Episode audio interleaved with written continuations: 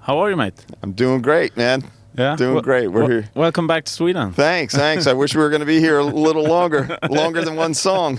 but yeah, this is uh, Stockholm's always been a really cool place for Skid Row to come, and and but it's been years since we've been here. So next year, yeah, next we'll year. do a whole show. Definitely. Well, first off, congratulations on a new great album. thank you, thank you. Uh, I say congratulations, but because it is kind of like saying congratulations to someone's new baby, because it takes time, months and years to to like create and produce. And, uh, like, how how does it feel now? it it, it feels great to have it finally done. You know, we uh, we've been working on it a really long time and really hard, and a lot of changes went on during the course of it. And uh, in March or February of this year, it finally all came together, and and we got it done. And it feels really good, and we're really proud of it, and seems to be getting uh, a really good reaction. Yeah, definitely. Yeah, and it's been out now for almost a m- whole month. Uh, yeah, yeah. Um, you're here to celebrate Swedish hockey, t- Tidernas hockeygala. How into hockey are you?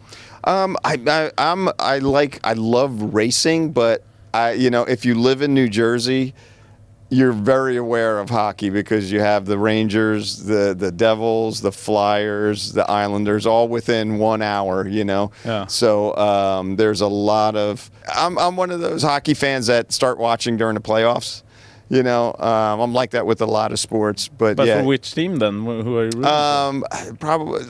it, you know, it's just if if there's like someone from Philly or New Jersey or New York, that's who I'll root for. You know, um, during the playoffs. But yeah, this is a special thing, man, and you know, a hundred years. That's that's pretty amazing. yeah, yeah, yeah, yeah, special. Now, uh, I want to talk to you about Erik. Okay. Uh, he's standing here. I didn't know that. Do we uh, have to? no, but, because I, I- I've had lots of time to talk to him, but I want to know kind of your side of everything and your story. How did he get into your radar? Uh, well, when he was in Heat, they they uh, toured the UK and parts of Europe with Skid Row. And I think that was 2019.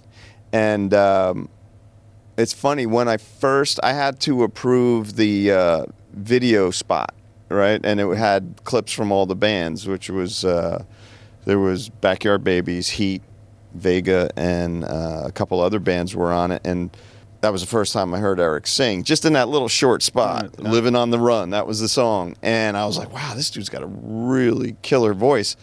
Didn't think much of it from there, but then listening to him from the dressing room while he was playing, I was like, "Wow, he's." He's got a really good voice, you know, not just studio. He he sings really well. And then during that time, uh, during the course of the tour, we barely said two words to each other because as soon as they were done, they they left pretty much. Um, but I watched a couple shows from the side of the stage, and and I thought this is a great band, great singer, and in my head, I'm like, well, maybe when Skid Row has some downtime, excuse me, I'll call them and maybe a side project or something. we never exchanged numbers. So that was that. But during the course of that, I found out that he had won Sweden Idol, yeah.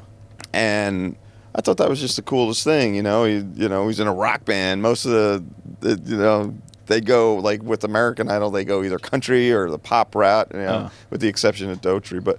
Um, yeah, so it was just really cool, and and uh, I, I started listening to more uh, stuff he did with Heat, and then when it came time for that, we knew we were going to make a change, like right in the middle of making the record, pretty much. Um, he was doing videos on his YouTube channel, and he just happened to do 18 and Life. And because I, I was trying to find out how to get in touch with him, and he did 18 and Life, and I was like, wow, so I sent it to the guys, and I'm like, this is who we should see if he wants to. To he obviously can sing Skid Row, you know, and he, you know, I didn't know how involved with the writing he was with Heat or anything like that, but anyway, so uh, I just told him I'm like I'm going to reach out to him through Instagram. Maybe he'll get back, maybe not, and he did right away. And uh, I said, here, I wanted to talk to you about a couple things here's my email. And then we got on a Zoom, and it was just basically saying, you know, uh, we, we were getting in touch with him to see if he could cover a few shows in the states, but because he was um, still recovering from his illness, um, his doctor suggested uh, not to travel and whatnot. So we're like, yeah, that's cool, man. And then during the course of it, our uh, producer Nick, he's like, why don't you just send him a couple songs, see if he wants to sing on them. I'm like. Okay, I said that's really bold, but let's just do it, you know. And that we thought we were being clever, and that was how we were auditioning him. But he knew what we were doing. He's a smart guy, sort of. what are you talking about? yeah. So, uh, yeah, so we sent it uh, to him, and he did Gangs All Here, and he sent it back, and I sent it to the guys and our and Nick, and we were all just floored. So the next phone call was, "Hey, you want to be the new singer of Skid Row?" and he said yes, and just started doing. He started recording his parts. Uh, him and Nick got together, and and Nick told him what he wanted to hear, and we were just like, "Do what you do, man." And every song that came back, we were just blown away. And then it was kind of straight to Vegas and the shows there, right? Yeah, yeah. He uh, he had recorded about eighty percent of the record, and then we still hadn't. We'd been on a couple band Zoom calls, but we still hadn't met him face to face. And so we met him on a Tuesday, rehearsed Wednesday, Thursday, took Friday off, and started the Scorpion show on that Saturday. So we Like, is that normal? no, no, it was it wasn't normal, and it was very stressful because we are like, okay, he worked, he's great in the studio, he sings great, and I'm sure he sings great live. We don't know him, No, exactly. But yeah, no, it all worked out, and it was seamless. It it it really was. It, it just gelled so quickly, and you know, we're all like-minded. We we're all lovers of music, of all different types of music. We all have the same offbeat, ridiculous sense of humor. We all take what we do very seriously. We don't take ourselves very seriously, but we take what we do very seriously, and hmm. we just want. We all want to have the absolute best show the band could have, and we we it, it's just it, we feel like the band's reborn. Yeah. Yeah. I'm gonna get into that a little bit later, but have you seen the Idol audition thing he did with? I did. Yeah. He was was just a child. Yeah. I'd like the haircut he has now a lot better. uh, also, what, what what do you think he brings to to? he he he brings an energy that um, that lifts us up. It makes us step up our game. You know, it was like when Rob Hammersmith joined the band. He he got us the unit, the musical unit, to be so tight, and and it was like you didn't even have to concentrate to play. And then Erik came in with this energy and you know his talent, and it just lifted us up again. And now we're all together up here instead of like kind of like a pyramid. We're all at the top of the pyramid now, you know, and um, it's it's incredible. Yeah. Now I know he's curious about uh, curious about some good old stories. I am as well. Uh, so if we kind of try to remember yesterday, so to speak, what's one of your favorite stories to tell from uh, back in the days, or one of your greatest memory maybe from from from your career? Well, we uh, th- there's been quite a few. Um, when we played on Saturday Night Live, um, you know, growing up in New Jersey, that was just right across the river, you know, and that that was a dream of mine to do that, and we did that, and then. Um, uh, the Polish Woodstock we did. That was the biggest show we've ever headlined. That was like 600,000 people. Yeah, I've heard about that one. it's ridiculous. like I can't even describe it. I could not do it justice to describe what that looks like from that stage to see that many people. It's insanity. Uh, but now we're building. You know, there's new high points since Erik's been in the band. You know, just just having consistently good shows and and every day it's just something new and we we just it's never like uh I don't feel like going out there tonight. It's always like, yes, you know, no matter how homesick you are or, or how tired you are, you get out there and it's just we're a machine now. And so we're we're building new uh new pinnacles, you know. Yeah, I get.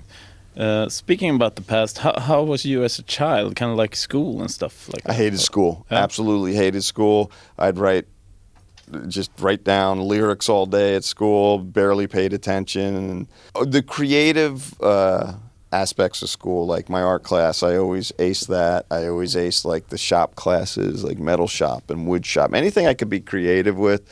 Um, I did actually very well in English um, with this one teacher who let us. Uh, she had she called it free writing. She said just write whatever comes to your mind, and in a weird way, I think that helped me as a lyricist later on in life Yeah. because it. I thought it was stupid. She goes, I don't care if you write "I hate school" ten thousand times on that page, just write it. And that's what I did. And I just wanted to defy that class so bad. And then by the end of the school year, that was one of my favorite classes to go to Wow. because she was very unconventional. And that's what I needed. And I, I, I needed that instead of just like a textbook because textbooks drive, they drive me insane. I, I'll read the same line over and over and over and over and over. All right, that's great. Uh, according to you, what does a, a rock song need to, to become a classic? Well, I don't know. I mean, we've we've lucked out. I think, it, I guess, a great chorus, a great story, and a great riff. You know, um, and sometimes you don't even need the great story in there. Like, what the hell is Stairway to Heaven about? you know what I mean? All I know is there's a lady who's sure. That's all I know.